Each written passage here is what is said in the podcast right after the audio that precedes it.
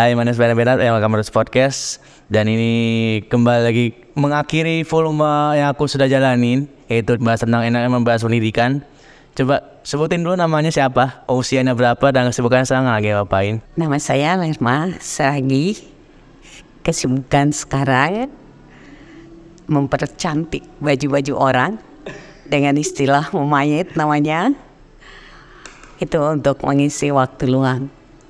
Usia mau disebutin nggak? 61 tahun. Oh, untunglah. Soalnya ada juga pembicara-pembicara aku dulu, walaupun hitungannya lebih muda, nggak mau dengan lantang men- menceritakan tentang usianya. Tapi nggak apa-apa lah. Untungnya mau mau menceritakan.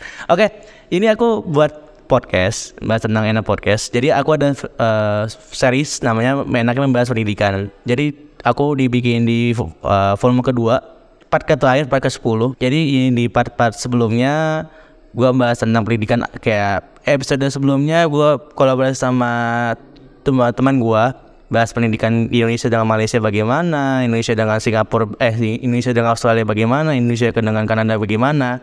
Dan ini gua tahu bau pengalaman mengabdi ya bisa bilang ya mengabdi selama berapa tahun 36 tahun.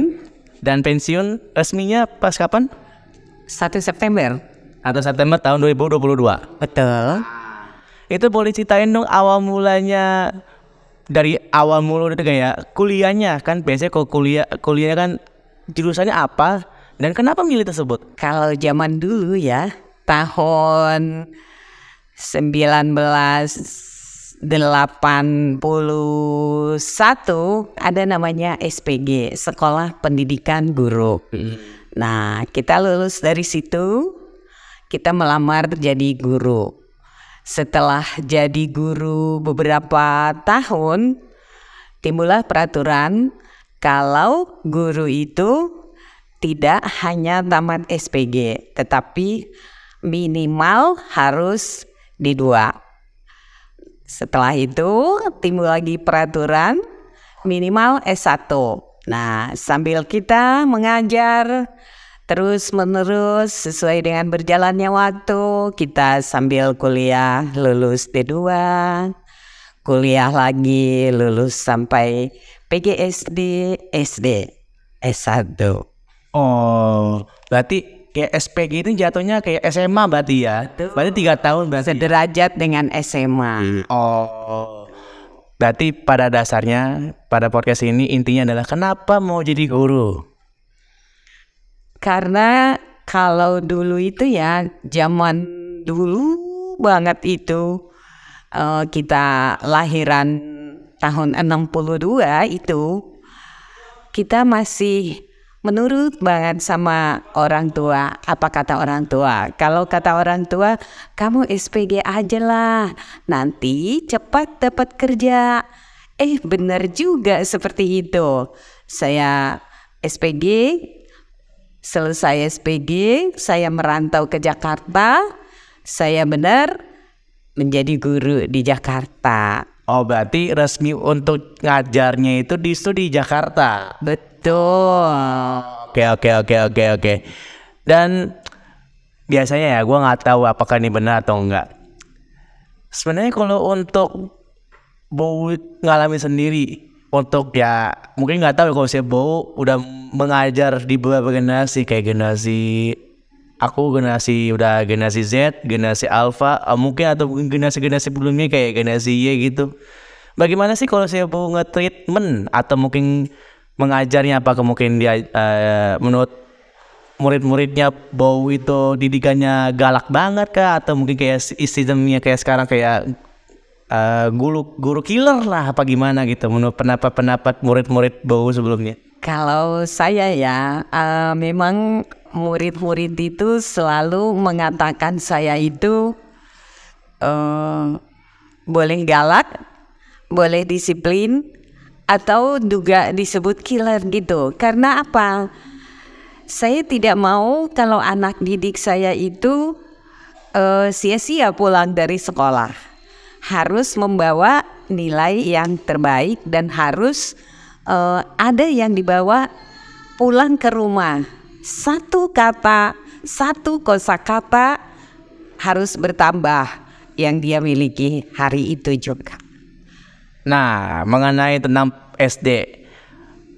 Apakah selama ibu eh sama Bow mengajar ini kan udah berapa tahun tadi 32 tahun ya? 36 tahun justru.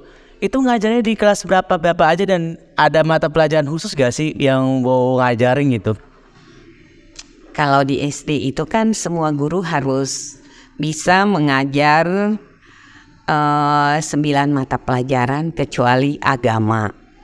Nah, kalau sekarang ini guru agama, bahasa Inggris, olahraga, uh, dan guru apa namanya ya uh, seni gitu. Itu ada khusus gurunya. Tapi kalau zaman dulu semua diborong oleh guru kelas. Itu berlaku pada tahun berapa yang tadi Bo bilang yang kayak guru agama sendiri, guru seni sendiri, guru olahraga sendiri, itu mulai tahun berapa? Kalau nggak salah sih tahun 90-an kali ya, mulai dari tahun 90-an.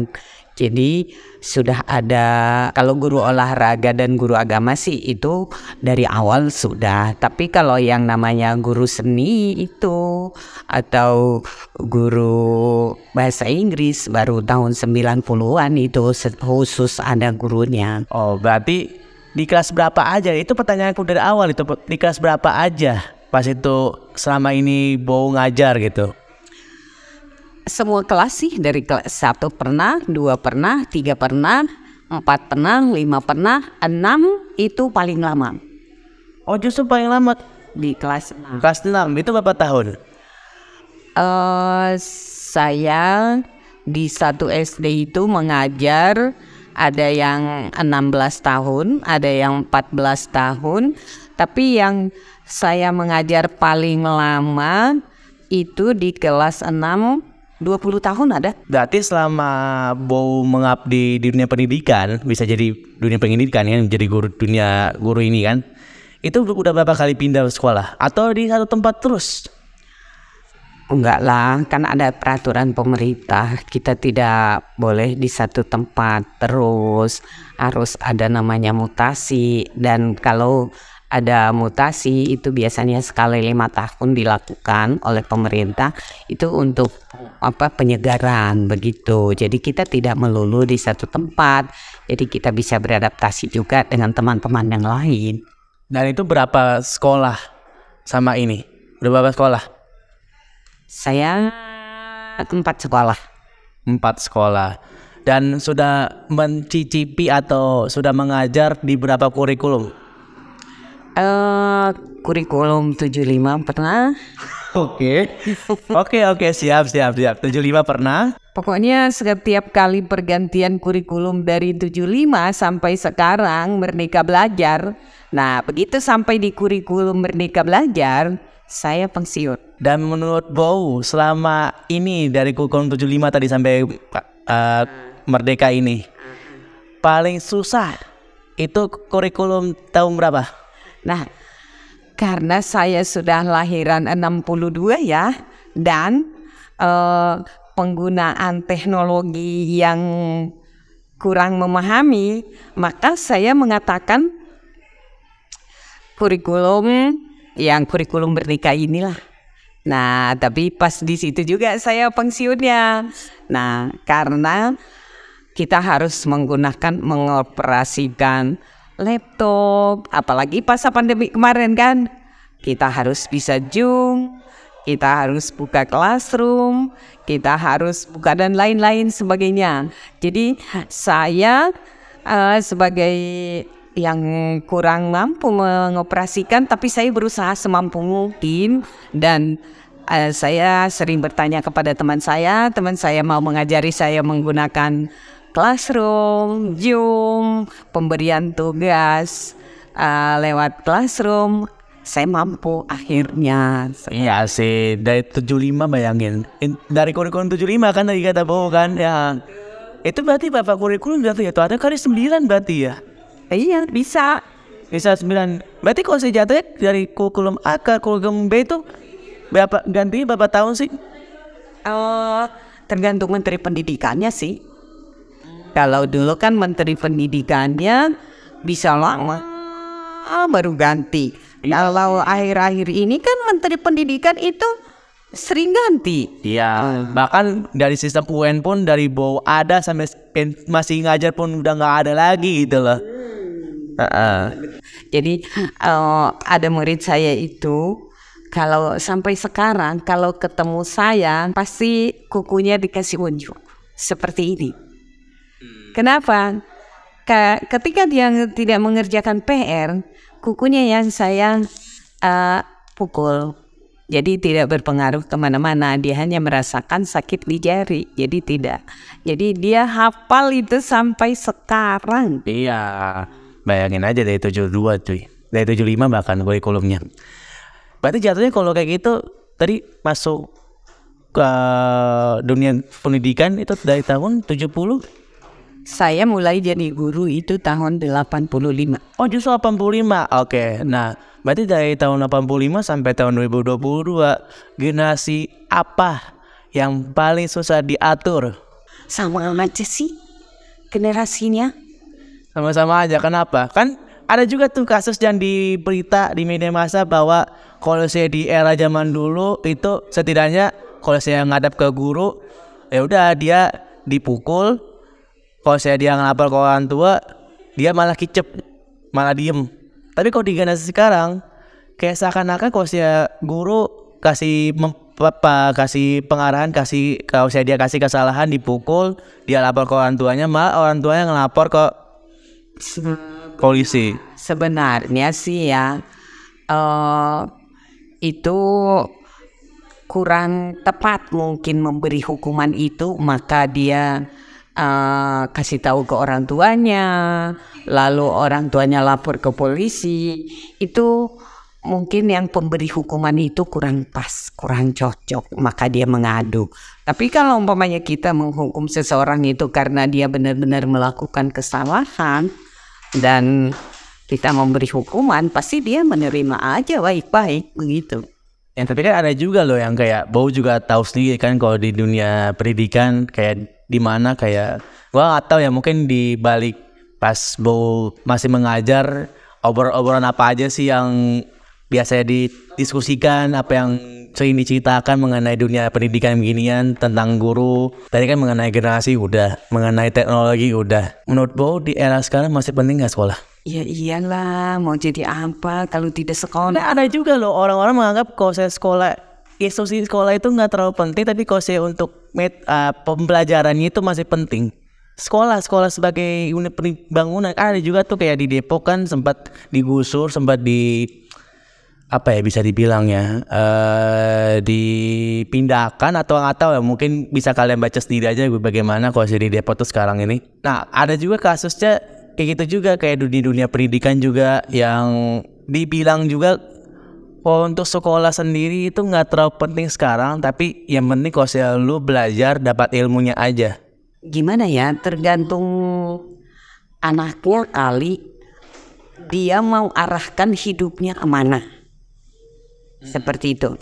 Kalau dia mengarahkan hidupnya untuk maju lebih sukses pasti dia sekolah tapi kalau umpamanya eh, dia pengen jadi eh, sesuatu istilahnya kalau umpamanya dia pekerja seni mungkin dia tidak perlu mengikuti pendidikan menyeluruh. Dia fokus aja jurusannya ke seni gitu. Nah dan kalau umpamanya dia mengikuti pendidikan pasti yang diberikan oleh gurunya itu dipelajari tentang etika. Diberikan sebagai anak yang berkarakter. Seperti itu. Nah makanya tadi ken- kenapa aku bilang begitu? Karena mungkin ada beberapa siswa yang bisa dibilang kayak menonjol di satu hal tapi pengen tapi rata-rata guru itu pengen diratakan semua gitu. Maksudnya dalam artian kayak tahu sendiri kan, bau ngeliat kayak ada buku buku anak-anak biasanya nyatet. Ini ngegambar.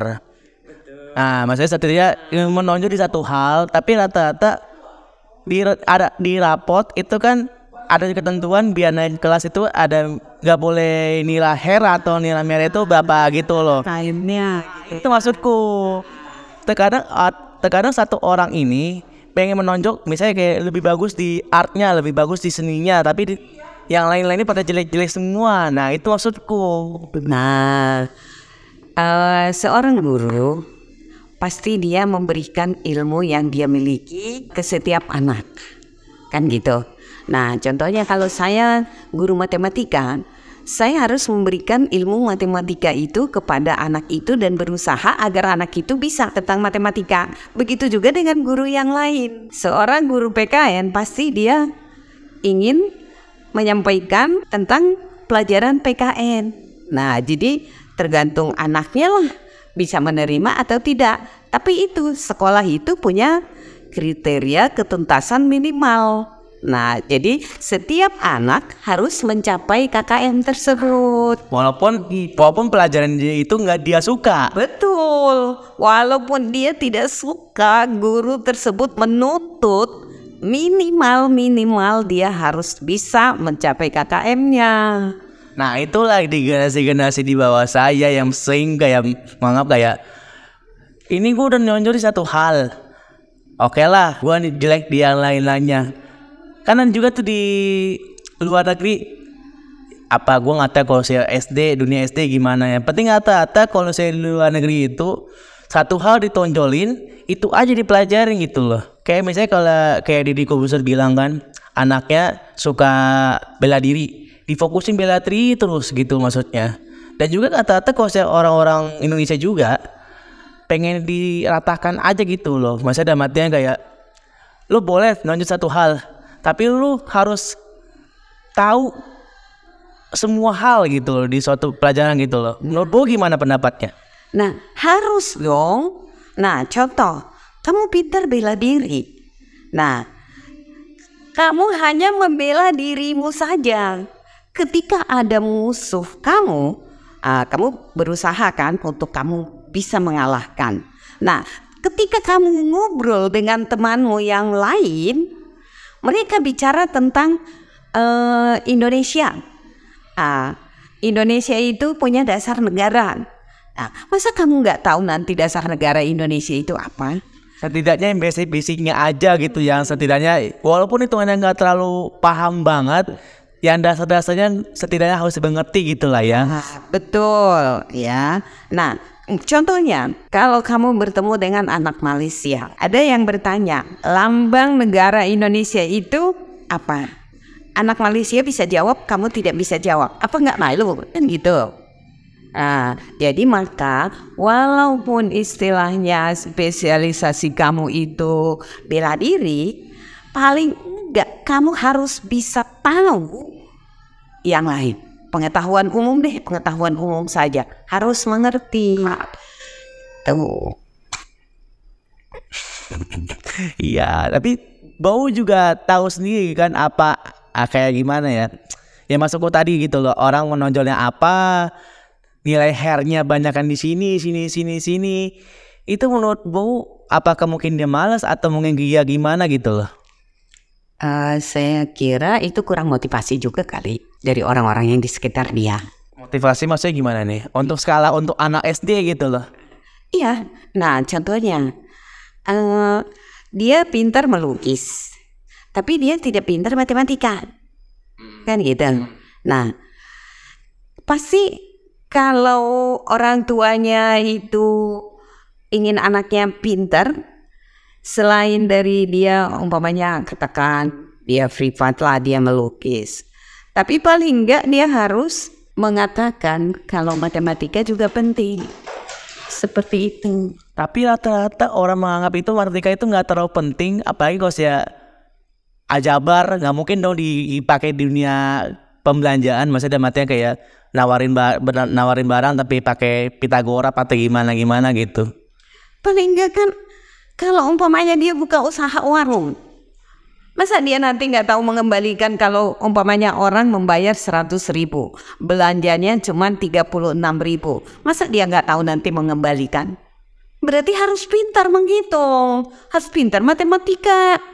Walaupun versi dasar-dasarnya aja, penjumlahan, pembagian. pakai KPK, FPP gitu gitu. Nah itu maksudku dalam artian cukup untuk dasar-dasarnya aja, cukup yang setidaknya kita mengerti, tapi kuasailah apa yang lu suka gitu kan.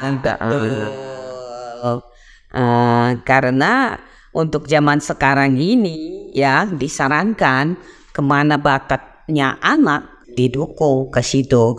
Jadi sekarang ini kayaknya orang tua sudah jaranglah memaksakan kehendak. Contoh anaknya pengen psikiater, tapi orang tuanya nyuruh dia ke hukum.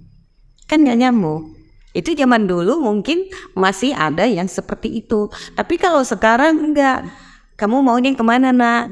Saya mau ini ke sini. Oke. Nah, tapi suatu saat orang tua bisa menuntut. Itu kan pilihan kamu nak. Kok hasilnya seperti ini? Kan gitu. Nah berarti balik lagi ke awal, kan Bow bilang sendiri kan Bow tahu atau mungkin diarahkan untuk ke dunia pendidikan ini dari orang tua. Iya. Tapi dari Bow sendiri sebenarnya ada nggak sih yang Bow inginkan gitu? Eh, kalau dulu itu ya enggak enggak sih jadi karena kita emang orang yang patuh pada orang tua ya udah kita jalani gitu jadinya. Tapi setelah kita udah masuk ke dalamnya lama-lama ya kita menyukai juga. Ya udah akhirnya jadi guru kan? Iya maksudku siapa tahu gitu loh ada referensi predik uh, pekerjaan yang Bow inginkan sebelumnya gitu.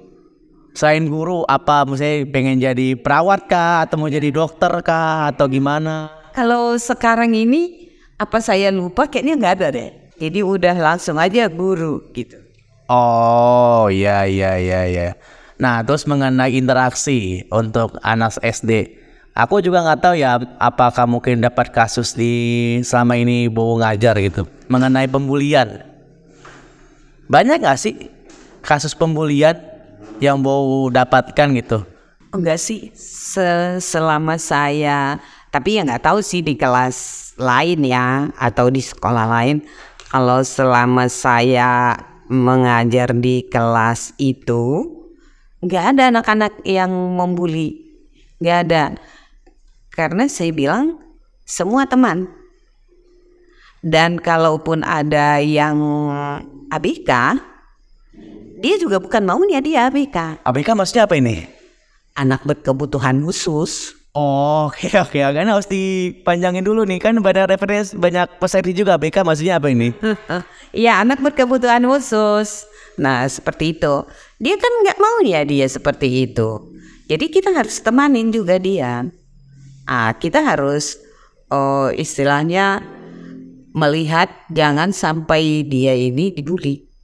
Gitu. Kan kadang-kadang ada aja anak iseng ngatain dia gitu kan. Itu kita benar-benar harus awasin supaya tidak terjadi. Iya, saya kan aku juga pas itu pas SD masih ingat banget aku ABK ini anak kebutuhan khusus ini saking dibully-bully terus sampai dia nguapin emosinya sampai uh, banting-banting kursi kah atau mungkin pernah pecahin kaca lah gitu loh maksudnya. Pernah juga maksudku mau dapatkan.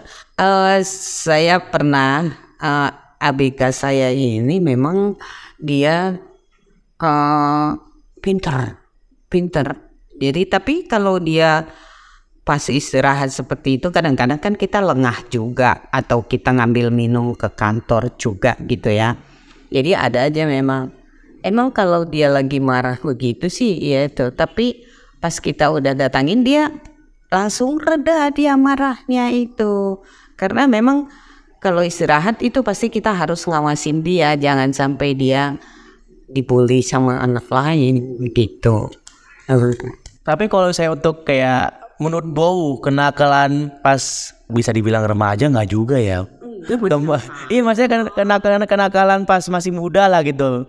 Kan ada juga tuh kayak apa ya eh, dibully dalam artian kayak disiramin apa lah gitu mungkin kayak diisengin lah apa gimana. Kalau di, di SD belum sampai seperti itu, mungkin itu di SMP kali atau di pendidikan yang lebih tinggi kali. Kalau di SD itu mah mah, karena mereka ketat diawasin kan, jadi nggak sampai pernah disiram lah atau paling dilirik doang begitu. Dilirik maksudnya gimana nih? umpamanya aneh gitu jadi diliatin gitu. Oh iya iya iya. Siapa tahu kan. Kalau saya dulu masih flashback kayak aku nih. Pas itu pernah dilempar-lemparin kotak pensil lah, diiseng-isengin lah, sampai nangis atau mungkin kayak di nggak ditemenin karena apalah gitu.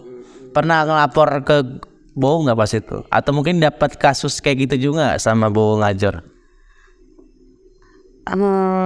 Enggak sampai segitunya sih karena itu pernah saya punya ABK memang tapi karena uh, saya kasihan sama dia ini anak jangan sampai karena dia bukan maunya dia seperti itu. Gitu loh. Ya orang mana mau kalau saya dari lahir juga ABK gitu dulu. Jadi itu benar-benar saya awasin. Makanya orang tuanya waktu itu senang banget sama saya. Sampai dikasih saya apalah gitu. hadiah lah gitu ya. Uh, saking senangnya. Karena daripada saya punya masalah yang panjang lebih baik saya liatin aja saya awasin aja gitu jadi selama dia kelas 6 waktu itu setahun ya tidak ada masalah ya udah dia lulus ya selanjutnya ya terserah orang tuanya lah dia ada kasus lagi ya saya nggak tahu. Tapi saya berusaha sih untuk tidak punya kasus seperti itu gitu loh. Nah itu rata-rata kalau saya bawa menceritakan itu di kelas-kelas atas kelas 4, 5, 6 kali ya. Oh ini untuk kelas 1, 2, 3 Dia matanya kayak baru dia lulus TK menuju ke kelas 1 Sifat-sifat suka main-mainnya itu masih ke bawah Kalau bawa nge-treat anak tersebut bagaimana? Apakah mungkin se tadi gua pembilang eh bau dibilang dari awal galak? Jadi saya tidak pernah memberikan pelajaran itu kalau masih ada anak yang main. Percuma. Saya yakinkan dulu semua duduk manis. Bukan berarti mereka tegang, tapi mereka mau mendengarkan dengan serius uh, dan saya juga berusaha untuk memberikan metode yang menarik buat mereka supaya mereka mau mendengarkan apa yang akan saya sampaikan. Pokoknya jangan sekali-kali kita bicara kalau masih riuh, masih ada yang bermain, ada yang ngobrol. Kita diam aja. Kalau kita diam, otomatis dia melihat dirinya, melihat temannya. Ketika semua sudah diam, dia otomatis diam. Ah, baru kita sampaikan. Sedikit saja tidak perlu banyak-banyak yang penting mereka paham mengerti begitu Ya mana anak SD masih pikirannya pikiran-pikiran masih bermain-main itu masih ada-ada aja gitu ya. Uh, tapi jangan kita mauin terus. Kapan dia bisanya?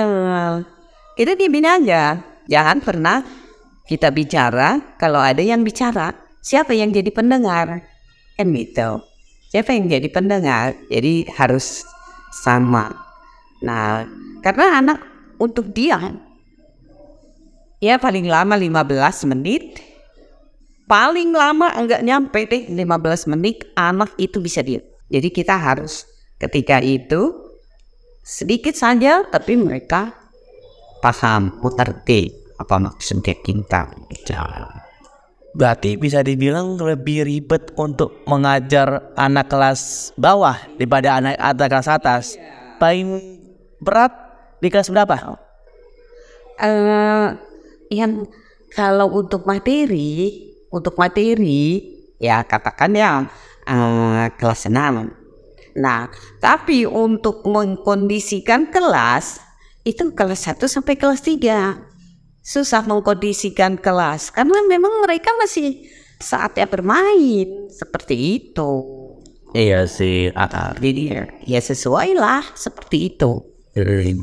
Nah, terus Bowo kan juga bilang di awal kan Bowo mengajar dari tahun 80-an. So pasti kan sudah ada alumni yang sudah Bowo ngajarin lah. Pernah ketemuan sebelumnya atau mungkin alumni itu sempat main dan dia itu melihat Bowo atau mungkin trademarknya Bowo. Oh ternyata Bowo kayak gini-gini loh dulu. Apa dianggap oleh tanda kutip alumni tersebut? Uh, sampai sekarang sih mereka masih mau datang ke rumah. Saya aja yang enggak begitu merespon mereka kalau umpamanya, Bu, saya mau main. Seperti itu. Ah, saya bikin aja kalau apalagi pas bukber. Bu uh, kita bukber ya bu? Gitu. Jadi uh, saya pernah nggak bisa nolak. Mereka datang beberapa orang ya datang ke sekolah saya tidak tahu. Ya udah sering-sering se- seperti itu. Jadi sampai sekarang mereka masih kalau saya respon mereka pasti mereka mau dari alumni tahun kapan pun masih mau. Cuman saya aja ah enggak lah gitu. Mereka sudah jadi ini jadi itu jadi itu. Saya hanya tetap jadi guru SD ya udahlah enggak gitu. Kalau mereka pasti selalu mengingat malah eh, mereka sudah ada yang punya cucu. Cucunya itu masih saya didik. Gitu. Oh, maksudku dalam artian alumni itu, alumni uh, yang selama Bo ngajar ini, oh ternyata Bo ini dulu gini gini gini gini. Trademarknya oh ternyata Bu ini ini ini, ini gitu. Dalam mengajar. Misalnya dalam artian tadi kan Bu sempat uh, sisipin satu notis satu petanda bahwa bahwasanya pas kuku kuku panjang dipukul pakai penggaris. Nah apa yang alumni itu ingat pas itu Bu ngajar dia itu kayak gimana? Selain itu selain tentang hal itu apa lagi? PR tidak pernah lupa ya. Harus ada. Nah mengenai PR menurut Bu PR itu penting nggak? Eh, penting. Kenapa? Untuk mengasah otak dia kembali. Tapi kan ada beberapa negara yang nggak bikin PR Ya sekarang ini pun PR nggak boleh, tapi saya tetap aja memberikan tugas dan orang tua pun tidak protes. Yang penting PR itu tidak banyak, tidak eh, apa ya eh, membuat anak itu lelah, jenuh gitu. Jadi kita memberi PR itu pun anak itu menyenangkan gitu loh. Pasti dikerjain kalau dia menyenangkan. Tapi kalau PR itu membuat dia jenuh, dia pun bisa teriak-teriak nangis nggak mau Nah itu maksudnya masih problematika juga sih di dunia pendidikan ini aku juga lihat-lihat oh di luar negeri PR nggak ada negaranya jadi sukses gitu loh. Kalau di sini PR banyak mulu perasaan nggak ada kelar-kelarnya gitu loh. Gitu aja. Itu gitu aja gitu loh maksudnya. Tadi menurut Bu masih penting. kalau menurut saya penting karena anak itu bertanggung jawab dengan tugasnya. Nah kita ambil supaya dia jangan memberi PR banyak sedikit saja.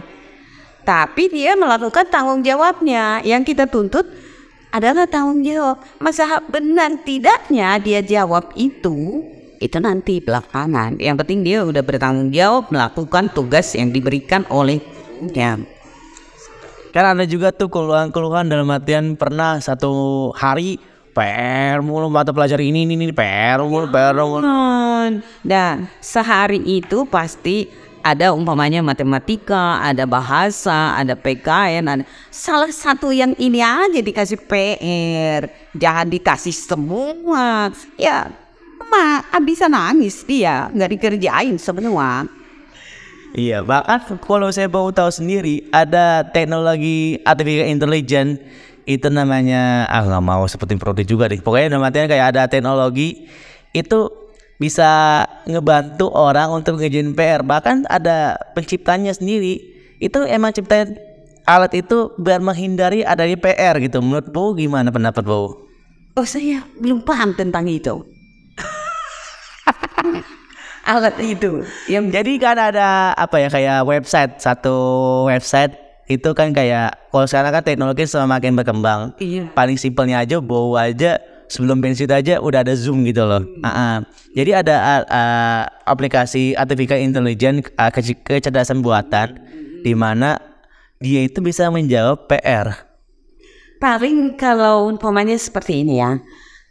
Kalau saya, kalau benar-benar kamu tidak bisa menjawab, cari di buku jawabannya. Kalau kamu benar-benar tidak menemukan di dalam buku itu, kita kan harus memberi PR sesuai dengan materi yang kita ajarkan. Jangan diberi PR yang tidak sesuai dengan materi yang dia dapatkan hari itu. Nah, kalau memang tidak ada di buku, baru kamu tanya di Google. Begitu. Ya itu kalau di era sekarang, era dulu. Oh era dulu. Era dulu itu ya yang ada di buku. Dan responden orang-orang yang di era zaman dulu, zaman sekarang mengenai PR, apakah sama? Ya. Maksudnya dalam artian kayak berantem atau mungkin kok kasih PR mulu sih bu, apa gimana gitu? Itu biasanya anak yang malas dan. Oke oke oke oke. Anak yang malas itu. Nah, tapi kalau umpamanya kita bilang ke dia kan PR-nya cuma di kan PR-nya cuma satu mata pelajaran. Karena mau ngerjain kan? Pasti dia jawab mau. Pernah nggak sih Bo dapatin Bo kasih PR nih? Ya kerjaan bukan dia. Pernah. itu pernah. Nah, tapi dia kita tuntut anak itu jujur dan selalu dia jawab. Jangan pernah kamu mengatakan yang bukan kamu lakukan.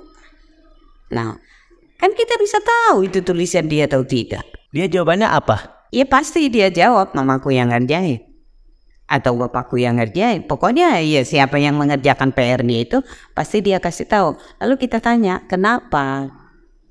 Saya lagi malas. Kenapa malas? Nah ya bisalah dia bilang pusing, bisalah dia bilang ngantuk, bisalah. Itu biasa alasan ya. Seperti itu.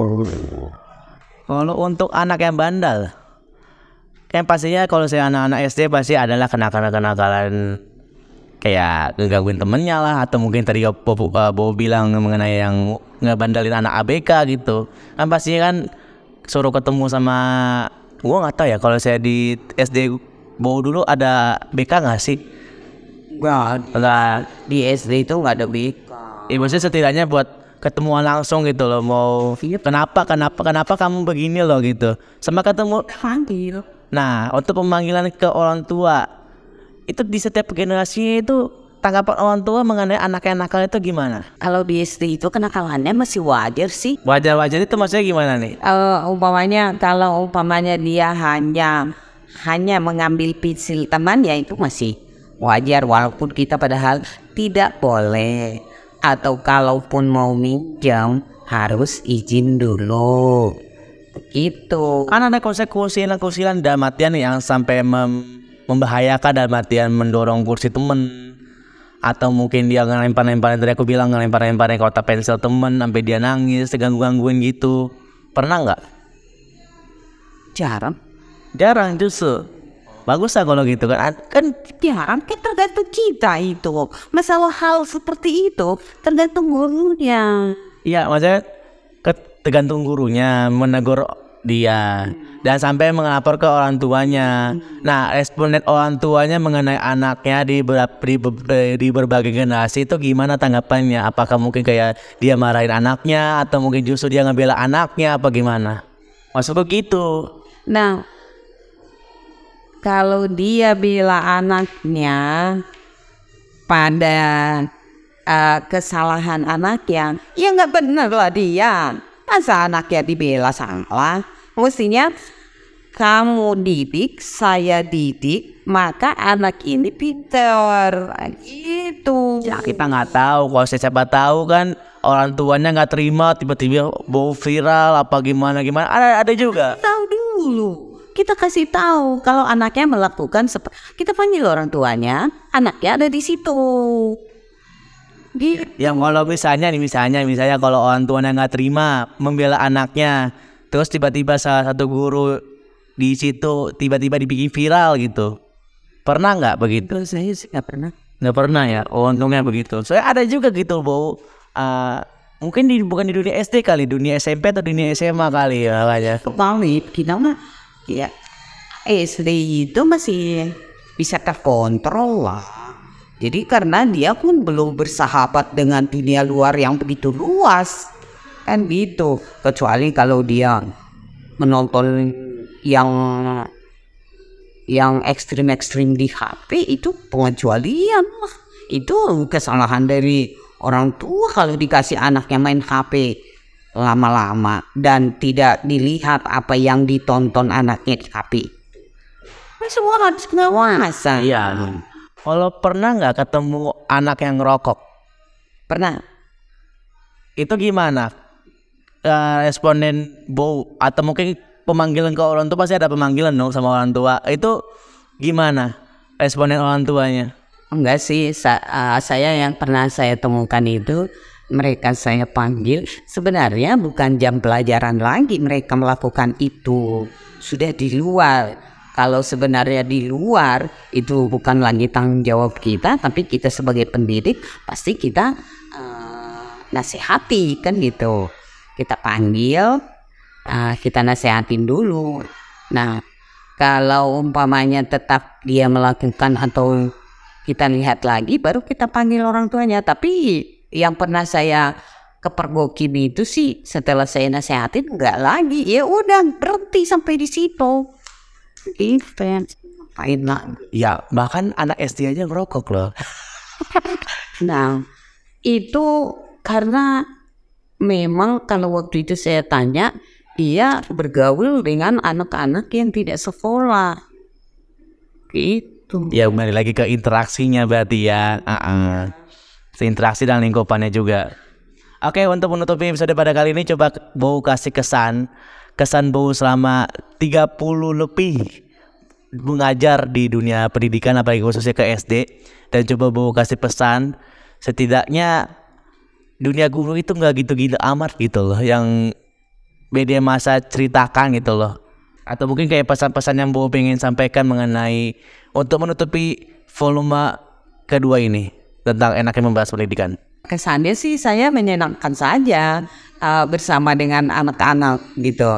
Jadi uh, selama saya jadi guru itu saya senang, saya happy karena saya selalu uh, berteman dengan anak-anak. Gimana lah dunia anak-anak selalu ceria, girang. Jadi kita pun ikut seperti itu. Jadi kesan yang saya dapatkan itu menyenangkan dengan anak-anak itu menyenangkan pokoknya menyenangkan aja setiap hari dengan anak-anak itu pesannya kepada pendidik ya didiklah anak itu sesuai dengan kemampuan biar anak itu berhasil dengan baik Oke, thank you Bow atas waktunya. Akhirnya bisa berkolaborasi untuk menutupi episode pada kali ini. Berikut merupakan episode pada kali ini. Sampai jumpa di episode berikutnya. Dadah, sampai jumpa.